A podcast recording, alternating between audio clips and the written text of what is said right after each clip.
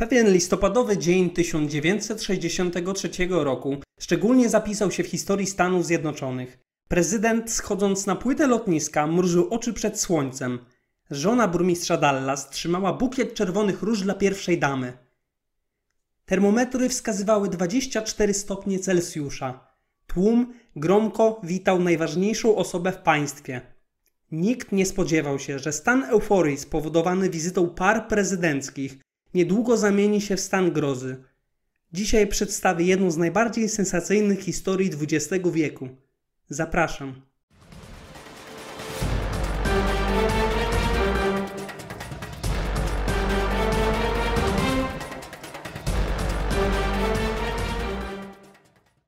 John Fitzgerald Kennedy pochodził z bogatej i wpływowej rodziny. Jego ojciec był biznesmenem posiadającym wielomilionową fortunę. W okresie II wojny światowej był on ambasadorem USA w Wielkiej Brytanii. Do roli prezydenta nie był pierwotnie przygotowywany John, lecz jego starszy brat, Joseph Jr. Niemniej zginął on w 1944 roku w trakcie II wojny światowej podczas wykonywania lotu bojowego. Dopiero po jego śmierci nadzieje rodziny przeniosły się na Johna.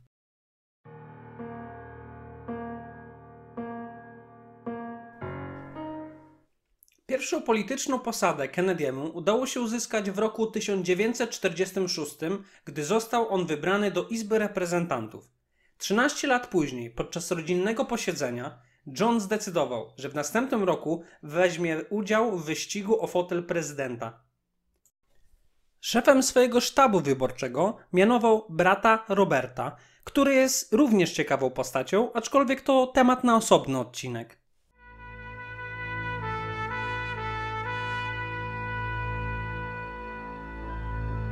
Kennedy wystartował w wyborach z ramienia Partii Demokratów. Jego przeciwnikiem był Richard Nixon z Partii Republikanów. Nixon w swoim programie wyborczym podkreślał swój udział w polityce byłego prezydenta Eisenhowera i deklarował kontynuację tych działań. JFK z kolei atakował przeciwną stronę polityczną, zarzucając im osłabienie USA na arenie międzynarodowej, w tym powstanie luki bombowo-rakietowej, to znaczy posiadanie przez Stany Zjednoczone mniej pocisków balistycznych niż Sowieci. Istotne jest to, że był to napięty okres zimnej wojny, epoka, gdy świat zachodni pod patronatem USA ścierał się z blokiem komunistycznym w nuklearnym zagrożeniu. Kennedy krytykował gabinet Eisenhowera za porażkę w kwestii rewolucji na wyspie Kubie, która to leży u wybrzeży Stanów Zjednoczonych.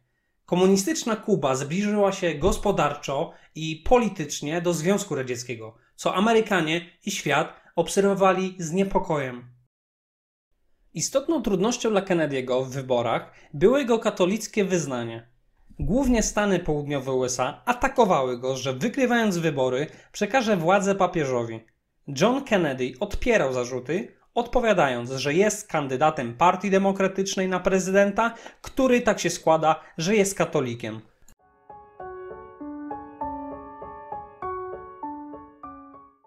Mimo iż były prezydent Roosevelt wykorzystywał w zabiegach politycznych telewizję, to dopiero debaty Kennedy'ego oraz Nixona wprowadziły wykorzystywanie telewizji w celach politycznych na nowy poziom. Nixonowi wstępnie dawano większe szanse na potyczkę słowną z Kennedym. Był on bardziej doświadczony i od lat rozpoznawalny, gdyż współpracował z respektowanym byłym prezydentem Eisenhowerem. Kennedy'ego uważano natomiast za polityka z niewielkim doświadczeniem i niższego rzędu. Zarzucano mu również, że stołki polityczne utorowały mu wpływy rodzinne i pieniądze. Nixon przybył do Chicago późno w nocy. Krótki sen przerwał wstając o 5 rano w celu spotkania się ze swoimi wyborcami przed debatą. Gdy pojawił się w studiu, jego zmęczenie było zauważalne oraz doskwierały mu problemy z kolanem. Czarno-biała transmisja i szary garnitur Nixona zlewały się ze studiem. Dodatkowo Nixon znacznie schudł podczas niedawnego pobytu w szpitalu, co skutkowało tym, że garnitur sprawiał wrażenie, jakby na nim wisiał.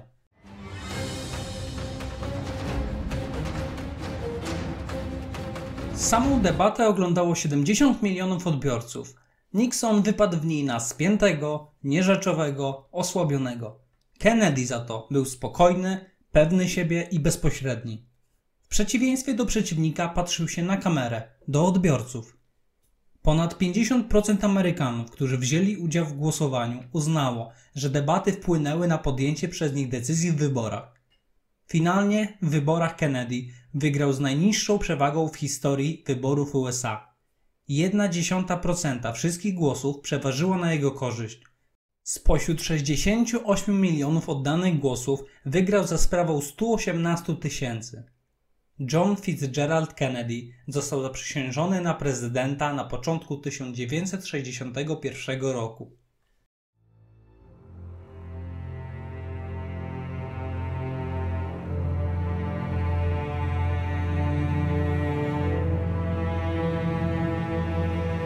Największą aktywność swojej prezydentury Kennedy prowadził w dziedzinie polityki zagranicznej. Pełnił on swój urząd w trakcie zimnej wojny, włącznie z jej najbardziej zapalnymi momentami. W zależności od ocen historyków i biografów, działania Kennedy'ego opisuje się z jednej strony jako antykomunistyczne podczas incydentów ze Związkiem Radzieckim i Kubą, a z drugiej strony próby tworzenia dialogu z blokiem komunistycznym.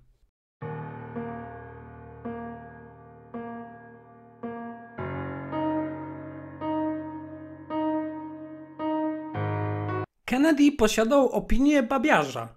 Nie pasowało to do wizerunku prezydenta i planów Kennedych. Rodzina i otoczenie wywoływało silną presję na Johna, pod wpływem której ożenił się z 12 lat młodszą Jacqueline. Mimo udawania, ich małżeństwo nie było udane. Kennedy kontynuował swoje romanse na tyle śmiało, że nie próbował ich ukrywać przed małżonką. Kilka lat po ślubie doprowadziło to do kryzysu, w trakcie którego rodzina Kennedy interweniowała, ostrzegając, że taki wizerunek może zaprzepaścić szansę Johna na zostanie prezydentem. Mimo tego nauk JFK trwał nadal, co było tajemnicą znaną przez wszystkich. Do grona jego miłosnych podbojów można zaliczyć pracownicę Białego Domu, aktorki, arystokratki i chociażby kultową Marilyn Monroe, która to podczas uroczystości z okazji jego urodzin odśpiewała mu Happy Birthday Mr. President.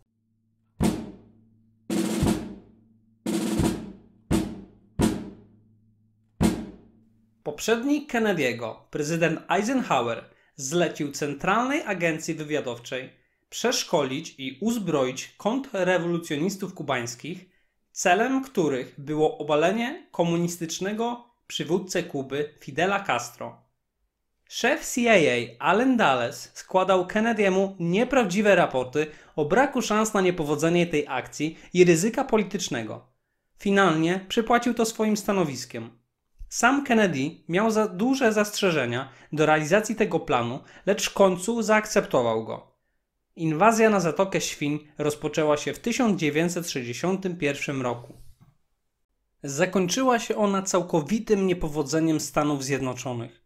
Wielu kontrrewolucjonistów zginęło, a większość dostała się do niewoli.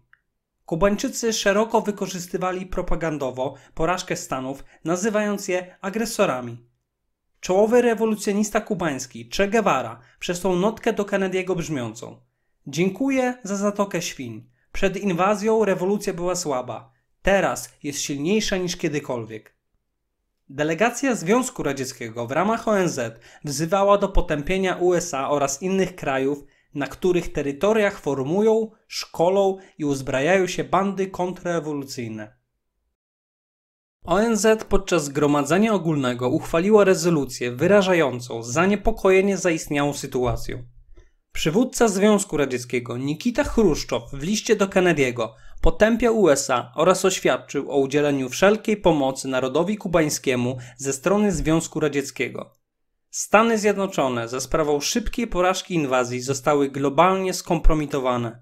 Na gabinet administracji Kennedy'ego spadł cios silnej krytyki za umocnienie pozycji komunistycznej władzy na Kubie. Porażka ta również wzmocniła relacje kubańsko-radzieckie, co dało podłoże światowemu kryzysowi, który miał dopiero nadejść. Po sukcesie w Zatoce Świń Fidel Castro doszedł do przekonania o słabości USA. Zezwolił w związku z tym na umieszczenie radzieckich rakiet balistycznych na terenie Kuby. and the time for launching is at hand.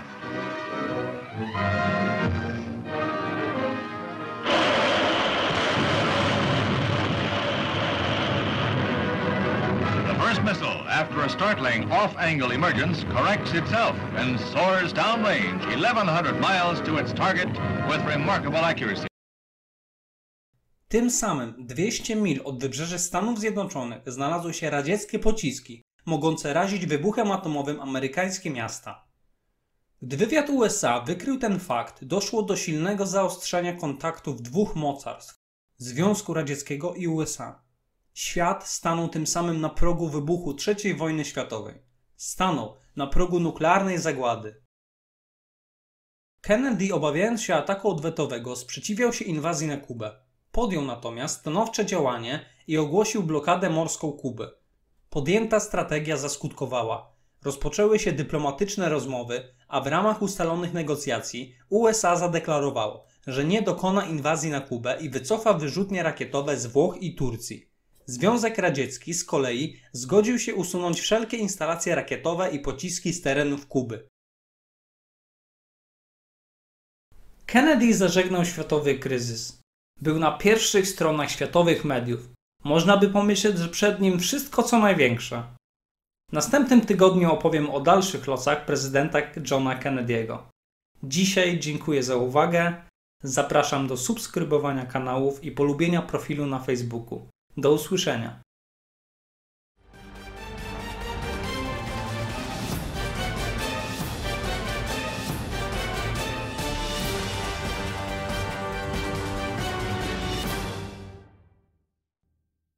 Witam serdecznie. W ostatniej części o Kennedym omówiłem jego drogę do Białego Domu oraz kryzys kubański. Można by pomyśleć, że po sukcesie, jakim było wykrycie radzieckich baz rakietowych na terytorium Kuby oraz doprowadzenie do usunięcia ich poprzez zastosowanie blokady morskiej, Kennedy silnie umocni swoją pozycję. Niemniej tworzył on sobie równolegle wpływowych wrogów. Porażka w Zatoce Świń doprowadziła do tego, że Kennedy utarł nosa służbom specjalnym, między innymi dymisjonując szefa CIA. Gorycz porażki została również zapamiętana przez Nikitę Chruszczowa, przywódcę Związku Radzieckiego oraz przywódcę Kuby Fidela Castro. Również mafia miała własne porachunki z rodziną Kennedy, gdyż brat prezydenta Robert Kennedy był prokuratorem generalnym, który wytoczył mafii otwarto wojnę.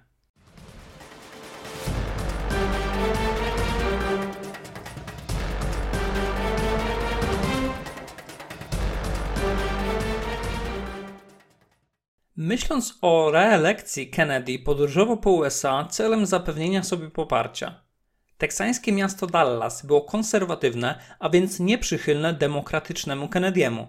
Konserwatywna prasa oskarżała go o sympatie komunistyczne i zdradę. W mieście rozpowszechniano ulotki atakujące prezydenta. Mimo tego JFK został przyjęty dość ciepło.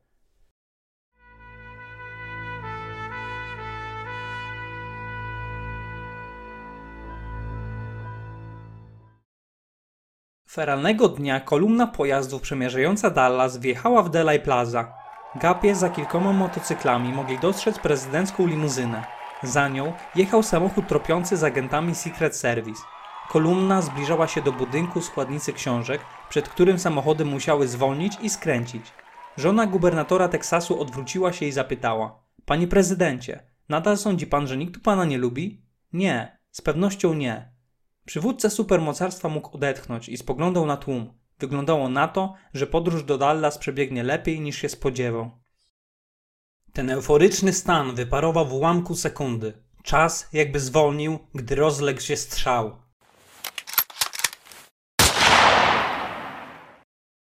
Pierwszy zareagował kierowca limuzyny wiceprezydenta, łapiąc go za ramię i krzycząc na ziemię. Gubernator Konali również rozpoznał dźwięk wystrzału, bezskutecznie rozglądając się za jego źródłem. Sekundę później rozległ się kolejny strzał. Prezydent złapał się za klatkę piersiową. Jeden z ochroniarzy krzyknął: Trafili go! Gubernator Teksasu Connally również został trafiony i krzyczał: Zabiją nas wszystkich! Kierowca limuzyny popełnił podstawowy błąd, ponieważ zwolnił. Chwilę później rozległ się kolejny strzał. Pocisk rozerwał twarz i czaszkę Kennedy'ego. Pierwsza dama krzyknęła: Boże, zabili mego męża. Działając irracjonalnie, instynktownie próbowała łapać to, co oderwało się od głowy męża.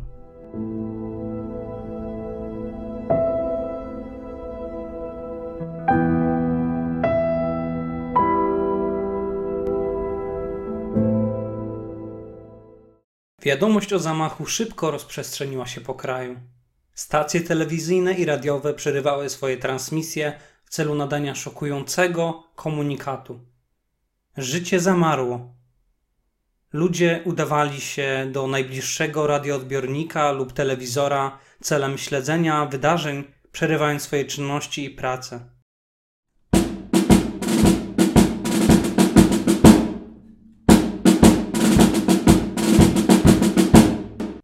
Limuzyna prezydencka przyspieszyła w kierunku szpitala. Lekarze po przyjęciu rannego stwierdzili brak pulsu i nieregularny oddech. Próbowano wszelkich metod. Mimo tego 35. prezydent Stanów Zjednoczonych John Kennedy zmarł. Wiceprezydent Lyndon Johnson zrozumiał, że stał się właśnie nowym prezydentem USA. Nie wiedzący czego się spodziewać funkcjonariusze w obawie przed kolejnym zamachem nie odstępywali go od tego momentu na krok. Zamachowiec zaraz po strzelaniu prezydenckiej limuzyny opuścił składnicę książek, skąd oddawał strzały i podążył do domu. Wziąwszy stamtąd rewolwer, zastrzelił usiłującego go zatrzymać policjanta J.D. Tipita. Niedługo potem jego podejrzane zachowanie zwróciło uwagę sklepikarza. Podążył on za nim do kina i kazał kasjerce wezwać policję. Kino zostało otoczone przez kilkunastu policjantów i aresztowało sprawcę. Ustalono tożsamość zamachowca. Był nim były amerykański żołnierz Lee Harvey Oswald. Oswald przez kilka lat przebywał w Związku Radzieckim, skąd później wrócił do Stanów. Pracował w budynku składnicy podręczników Dallas, z którego miał oddać śmiertelne strzały w kierunku prezydenta.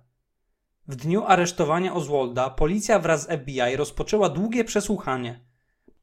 Podczas niego Oswald kategorycznie zaprzeczał oskarżeniom o zabójstwa oraz posiadanie karabinu Karkanu, z którego strzelano.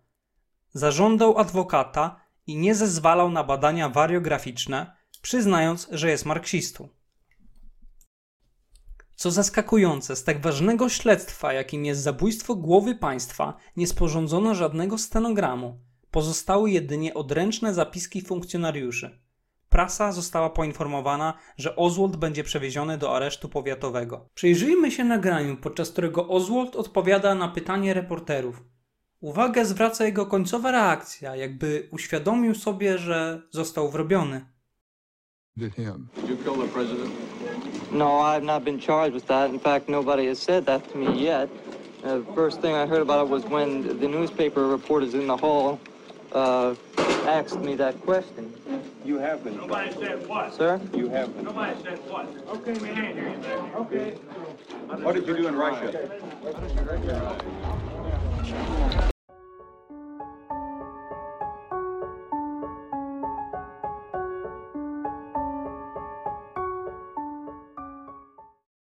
Policjanci prowadzili skutego w kajdanki Lee Harvey Oswalda, oskarżonego o zabójstwo prezydenta. Tłum dziennikarzy filmował i fotografował całe zdarzenie. Niespodziewanie z tłumu wyskoczył mężczyzna z wyciągniętym rewolwerem. Oddał on strzał z rewolweru prosto w brzuch skutego Oswalda. Strzelca szybko obezwładniono. Sam Lee Oswald przeżył, lecz stracił przytomność. W celu ratowania jego życia przewieziono go do szpitala. Mimo starań lekarze ogłosili zgon Lee Oswalda. Tym samym przestała istnieć możliwość usłyszenia tego, co ma do powiedzenia.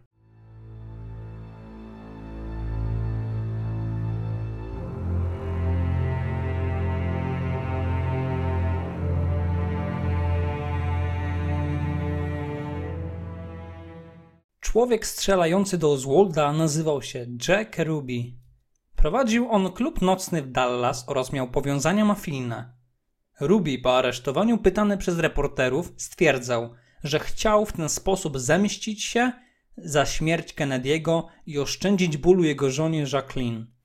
Wina Rubiego była oczywista i nagrana przez reporterów. Został on skazany na śmierć, lecz wyrok wstrzymano na skutek apelacji obrońców.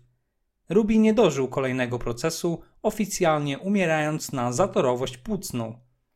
Raport wydany przez powołaną komisję do spraw zabójstw stwierdzał, że Jack Ruby znał osobistości przestępczego podziemia w Dallas. Między innymi Carlosa Marcello, bossa mafii, która spiskowała w celu zabójstwa JFK. Komisja uznała, że Marcello miał możliwości, środki i motyw, aby doprowadzić do zamachu na prezydenta Kennedy'ego.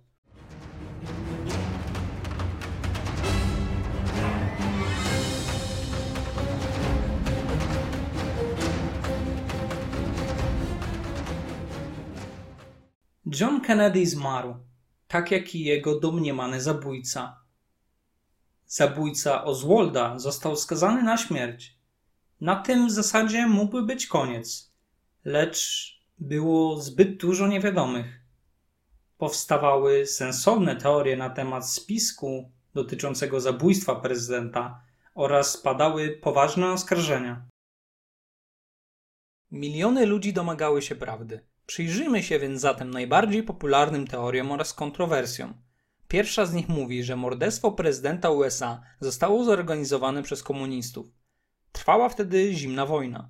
Kennedy odgrywał główną rolę podczas kryzysu kubańskiego i atomowego zagrożenia ze Związkiem Radzieckim. Szlak kubański brzmiał, że Fidel Castro mógł zorganizować zamach na Kennedy'ego w zemście za amerykańską inwazję w Zatoce Świń, blokadę morską Kuby oraz rzekome próby zamachu CIA na jego życie. Kolejna teoria wskazuje na mafię, gdyż brat Kennedy'ego, Robert, był prokuratorem generalnym, który to wytoczył mafii wojnę. Lee Harvey Oswald miał mieć powiązania mafijne, a gangster Jack Ruby, zabijając Oswalda, miał uniemożliwić mu wyjawienie prawdy. W raporcie komisji Warrena wspomniano o wiarygodnych przesłankach sugerujących istnienie związków pomiędzy Lee Harvey Oswaldem, jak również Jackiem Rubim, a organizacją przestępczą Marcello.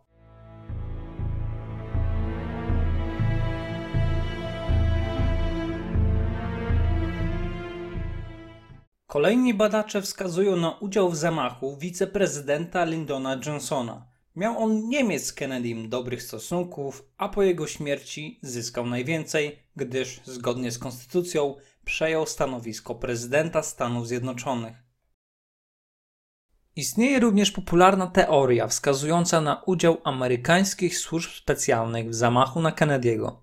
Po nieudanej inwazji w Zatoce Świń szef CIA Allen Dulles został przez Kennedy'ego pozbawiony stanowiska wraz z jego współpracownikami. Dyrektor FBI J. Edgar Hoover również nie przepadał za braćmi Kennedy, obawiając się swojej dymisji.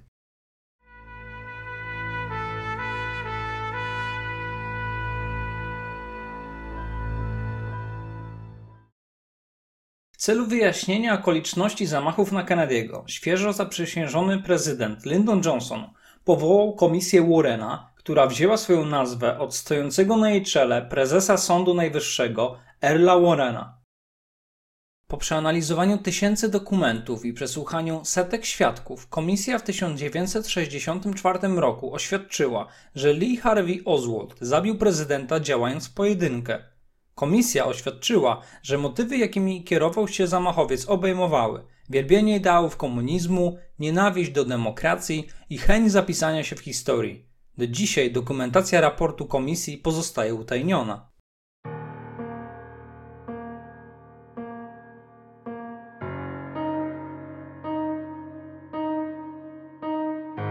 Trzy lata później prokurator okręgowy Nowego Orleanu rozpoczął śledztwo w sprawie zamachu. Był ośmieszany i atakowany przez służby specjalne. Garrison przedstawiał twierdzenia, że komisja Warrena podała fałszywe wnioski, a Kennedy, jak i Oswald, będąc kozłem ofiarnym, zostali zamordowani w wyniku spisku polityków.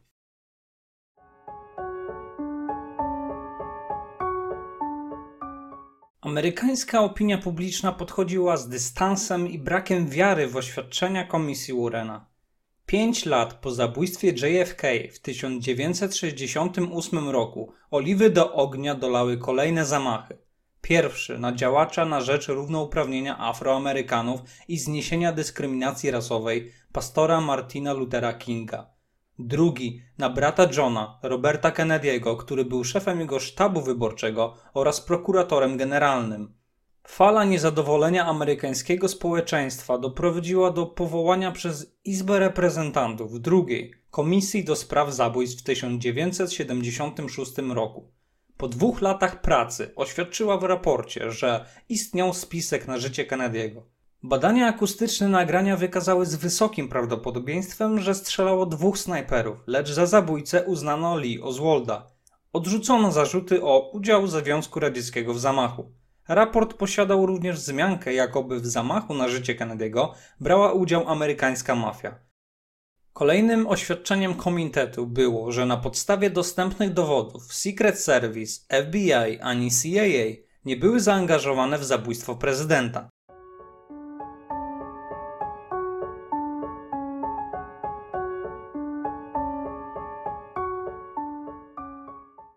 Opinia publiczna w XX wieku, jak i dzisiaj, sceptycznie podchodzi do raportów komisji. Według przeprowadzonego w Stanach w latach 80. sondażu Galupa, aż 80% ankietowanych wierzyło, że prezydent zginął w wyniku spisku. Teorię drugiego strzelca potwierdzać może amatorski film Abrahama Zaprudera, gdzie widać jak pocisk trafia prezydenta z przodu. Niemniej głównym przedmiotem sporów jest liczba wystrzelonych kul. Pewni specjaliści w dziedzinie kryminalistyki stwierdzili, że padło pięć strzałów z ręki trzech różnych snajperów. Policyjni eksperci orzekli, że strzały oddano w odstępstwie 5 do 8 sekund. Specjaliści od balistyki sądzą, że niemożliwym jest oddanie tylu strzałów w tak krótkim czasie z karabinu Karkano, z którego miał strzelać Oswald. Teorie głoszące istnienie zorganizowanego spisku potwierdzać ma brak scenogramów z przesłuchania Oswalda oraz konfiskata przez władze amatorskich nagrań z zamachu. Zarzuca się CIA i FBI, że nie przekazały komisji Warrena wszystkich dokumentów, a także, że nie przeprowadzono sekcji zwłok w Dallas, jak nakazuje prawo stanowe. Wykazano braki Secret Service, którego niedostateczna ochrona prezydenta ułatwiła dokonanie zamachu. Sensowne stanowiska głoszą, że Jack Ruby i Lee Oswald zostali zabici w celu uciszenia najważniejszych świadków. Same akta związane z zabójstwem Kennedy'ego są utajnione do 2029 i 2039 roku. Dodatkowo teorie spiskowe podsycają fakty, że w ciągu kilku lat od zamachu zginęło kilkanaście osób w różnym stopniu powiązanych z wydarzeniami w Dallas.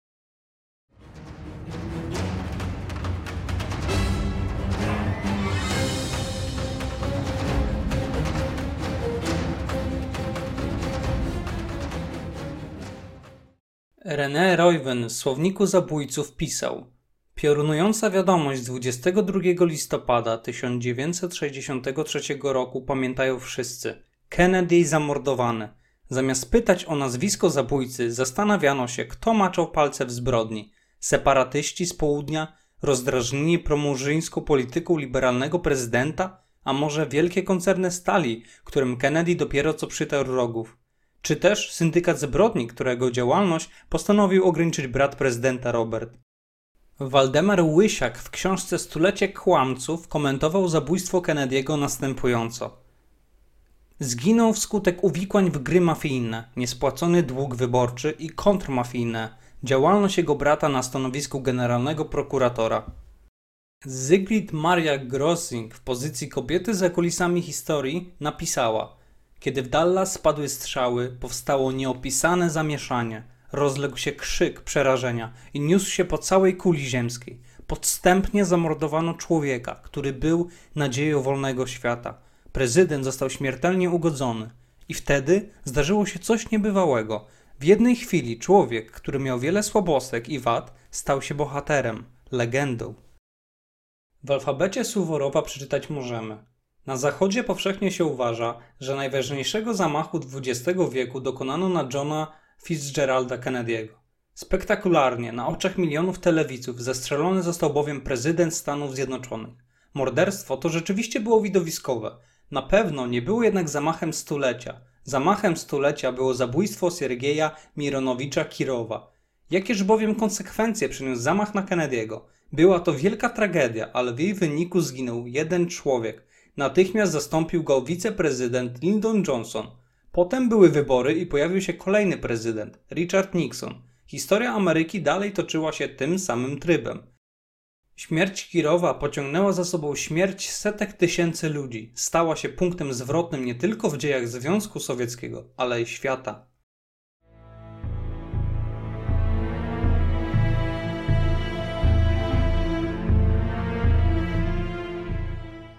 Przez lata powstało wiele samodzielnych śledztw pisarzy, dziennikarzy lub osób powiązanych z tymi wydarzeniami.